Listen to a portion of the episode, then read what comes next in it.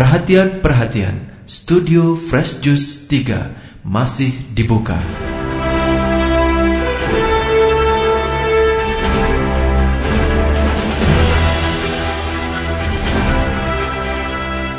Kami mengundang sahabat Fresh Juice untuk mendengarkan Fresh Juice Jumat 26 April 2019 yang dibawakan oleh Pastor Eltus Mali dari Makassar. Selamat mendengarkan.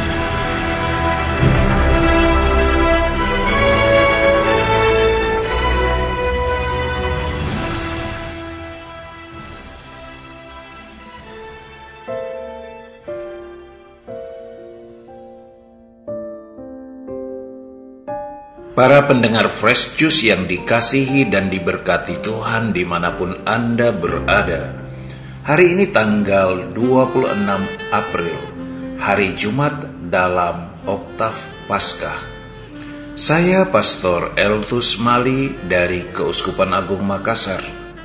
Kembali hadir dan mengajak Anda sekalian untuk mendengar dan merenungkan perikop Injil hari ini dari Yohanes pasal 21 ayat 1 sampai 14. Mari kita awali dengan tanda kemenangan Kristus. Dalam nama Bapa dan Putra dan Roh Kudus. Amin. Sesudah bangkit dari antara orang mati, Yesus menampakkan diri kepada murid-muridnya di pantai Danau Tiberias ia menampakkan diri sebagai berikut. Di pantai itu berkumpul Simon Petrus, Thomas yang disebut Didimus, Nathanael dari Kana yang di Galilea, anak-anak Sibedeus dan dua orang murid Yesus yang lain. Kata Simon Petrus kepada mereka, Aku pergi menangkap ikan. Kata mereka kepadanya, Kami pergi juga dengan engkau. Mereka berangkat lalu naik ke perahu. Tetapi malam itu mereka tidak menangkap apa-apa. Ketika hari mulai siang, Yesus berdiri di pantai. Akan tetapi murid-murid itu tidak tahu bahwa itu adalah Yesus.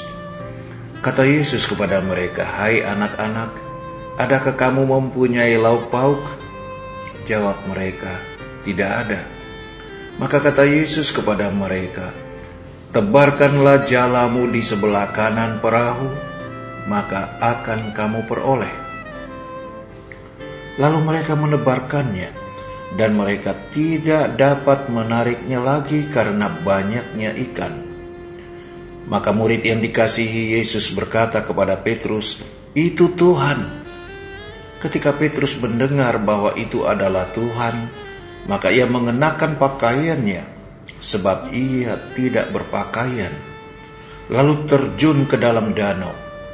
Murid-murid yang lain datang dengan perahu karena mereka tidak jauh dari darat, hanya kira-kira 200 hasta saja.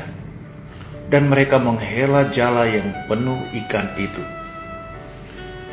Ketika tiba di darat, mereka melihat ada api arang dan di atasnya ada ikan serta roti.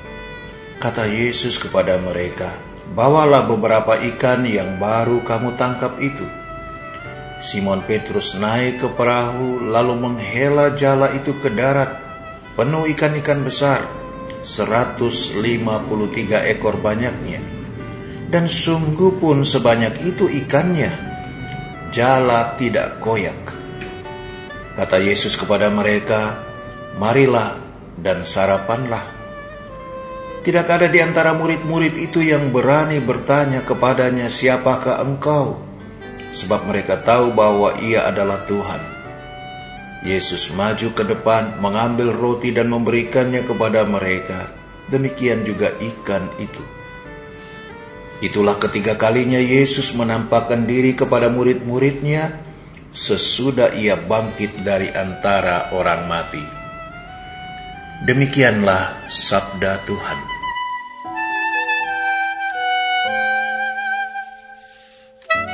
Saudara dan saudari, Bacaan Injil hari ini mengisahkan penampakan Yesus kali ketiga. Saat mana Simon Petrus bersama beberapa murid lain memutuskan untuk pulang ke kampung halamannya di Galilea dan kembali melakukan pekerjaan sebagai seorang nelayan. Itulah profesi atau aktivitas keseharian mereka sebelum bertemu dan mengikuti Yesus.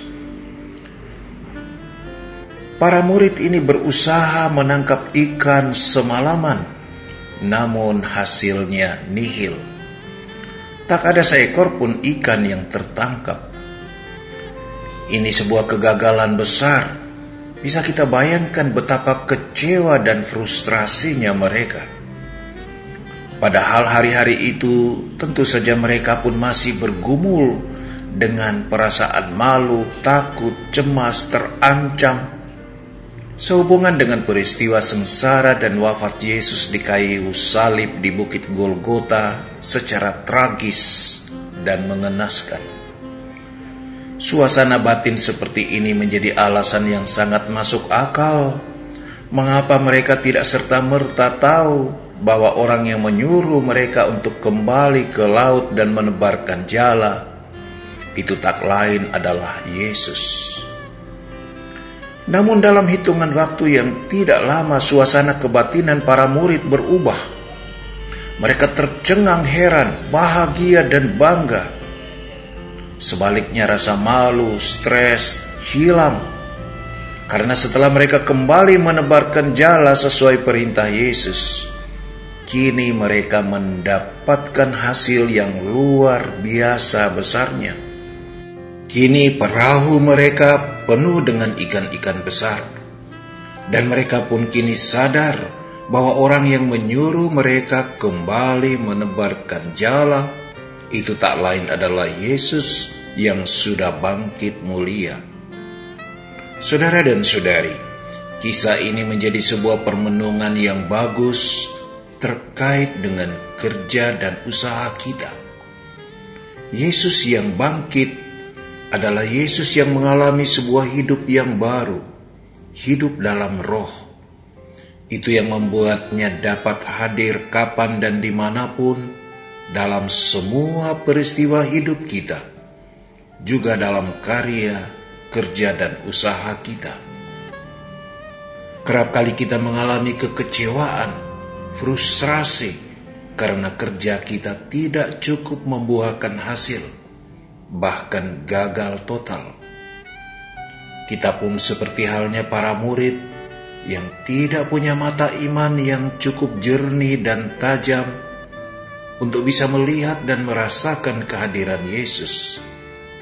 Karena kita pun larut dengan pikiran dan perasaan manusiawi kita.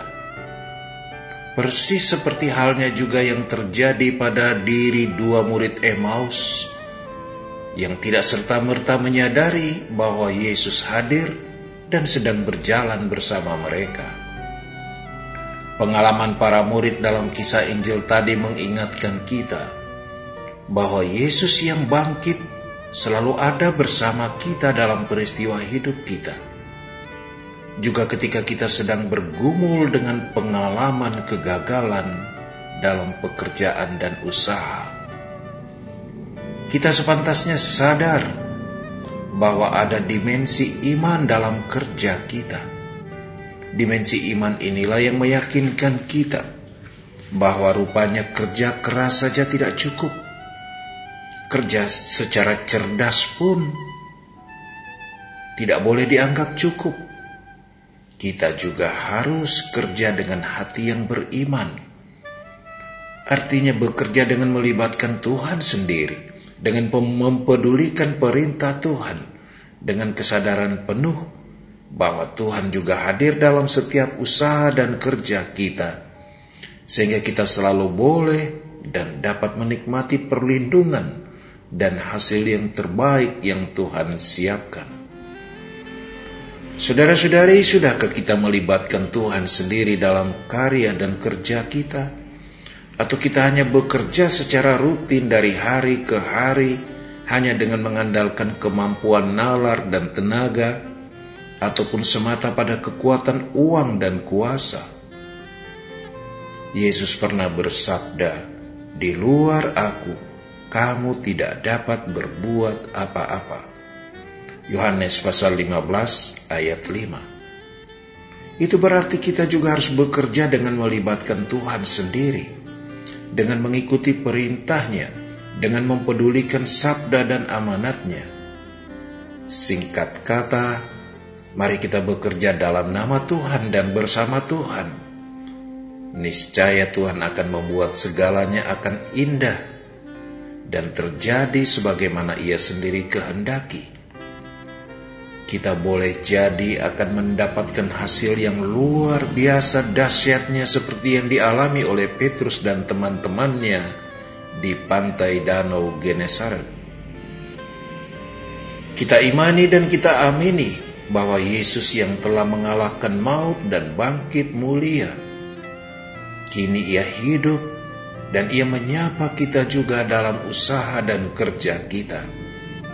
Kalau demikian, Sukses besar yang diperoleh Petrus dan para rasul akan juga menjadi sukses kita. Amin. Saudara-saudari, demikianlah Inri, Injil, dan inspirasi hari ini. Tuhan Yesus yang bangkit mulia memberkati Anda dan keluarga, juga seluruh kerja dan usaha dalam nama Bapa dan Putra dan Roh Kudus. Amin.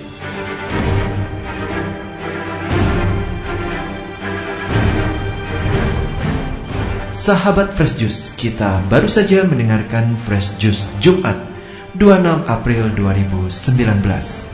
Segenap tim Fresh Juice mengucapkan terima kasih kepada Pastor Eltus Mali untuk renungannya pada hari ini.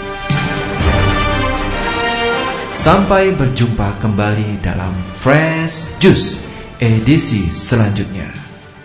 Tetaplah mengucap syukur dan salam Fresh Juice.